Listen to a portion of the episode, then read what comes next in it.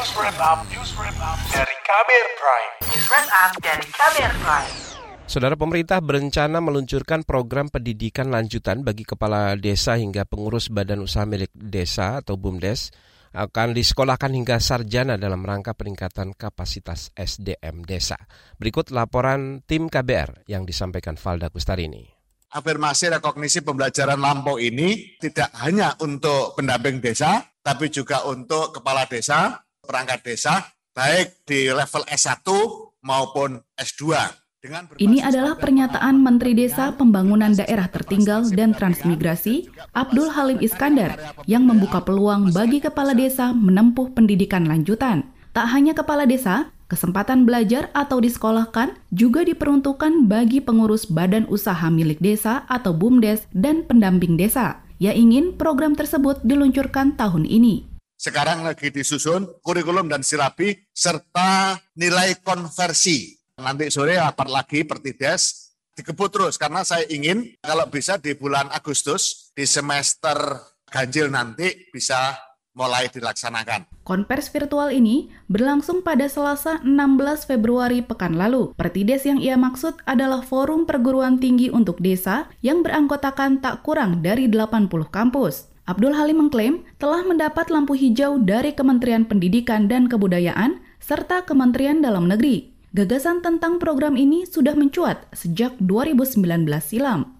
Karena sebagai seorang leader harus terus melakukan upaya peningkatan kapasitasnya. Nah, sementara belajarnya sudah belajar pengalaman. Keberhasilan belajar itu lebih banyak justru pada pengalaman. Nah, permasalahannya tidak mendapatkan sertifikasi yang layak. Makanya perlu ada afirmasi pendidikan tinggi bagi desa. Abdul Halim memandang program ini akan bermanfaat dan berdampak positif bagi kemajuan desa dan pembangunan berkelanjutan. Kementerian Desa mencatat, sebagian kepala desa, yakni 40-an ribu orang atau 60 persen, merupakan tamatan SMA. Sedangkan yang bergelar sarjana hanya 20-an persen. Bahkan ada 800-an orang yang tak tamat sekolah dasar. Afirmasi juga diberikan untuk kepentingan D1 sampai D3 jadi nanti lulusan SMU ini bisa ngambil D1, D2, bisa ngambil D3, dan juga bisa ngambil S1.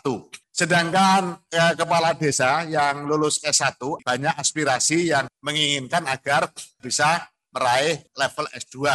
Program studi sarjana yang disiapkan bakal sesuai dengan kebutuhan pembangunan desa. Para tokoh desa memahami dasar akademis dari kebijakan, pelaksanaan pemerintahan, implementasi pembangunan desa, pemberdayaan masyarakat, dan bisnis BUMDes yang selama ini mereka kerjakan. Juga memahami metodologi dan penggunaan data. Tambahan insentif juga menanti bagi kepala desa yang berprestasi. Keberhasilannya dalam memajukan desa bakal diapresiasi dalam bentuk kredit semester. Misalnya, kepala desa dua periode dan sukses penyetaraannya dapat berapa SKS. Itu akan banyak konversi SKS-nya untuk program studi pemberdayaan masyarakat. Tapi dibanding program studi manajemen, itu agak lebih sedikit berkurang.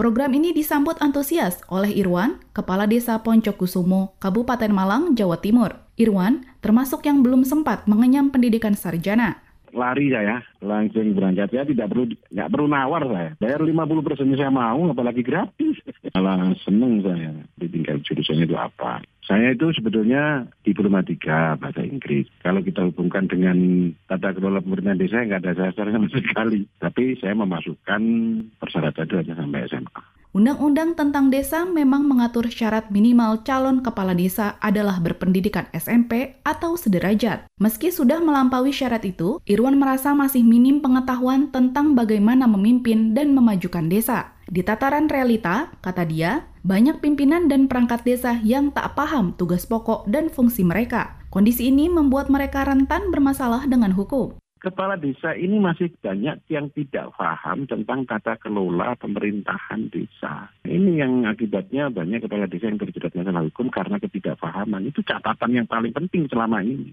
Supaya kepala desa seluruh Indonesia ini memahami tentang tugas-tugasnya. Sehingga tidak kalah dengan perangkatnya. Masih banyak kepala desa itu yang menjadi apa? Menjadi boneka perangkat. Irwan berharap program pendidikan lanjutan bagi kepala desa benar bakal terwujud. Sebab Sejatinya ini bukan wacana baru karena pernah digaungkan oleh Bupati Malang Muhammad Sanusi tetapi tak kunjung terlaksana. Ia meminta pemerintah pusat maupun daerah menyiapkan rincian aturan dan mekanismenya agar program berjalan lancar. Itu dibuka dulu database-nya. Jadi kalau sudah begitu, nanti Kemendes menetapkan satu aturan. Kepala desa yang lulusan SMP diwajibkan untuk mengikuti ujian kesetaraan untuk, untuk memperoleh ijazah SMA, SLTA atau yang sederajat. Pemerintah harus membersihkan itu. Demikian laporan tim KBR, saya Valda Kustarini. Kamu baru saja mendengarkan news wrap up dari Kabel Prime. Dengarkan terus kabelprime.id, podcast for curious mind.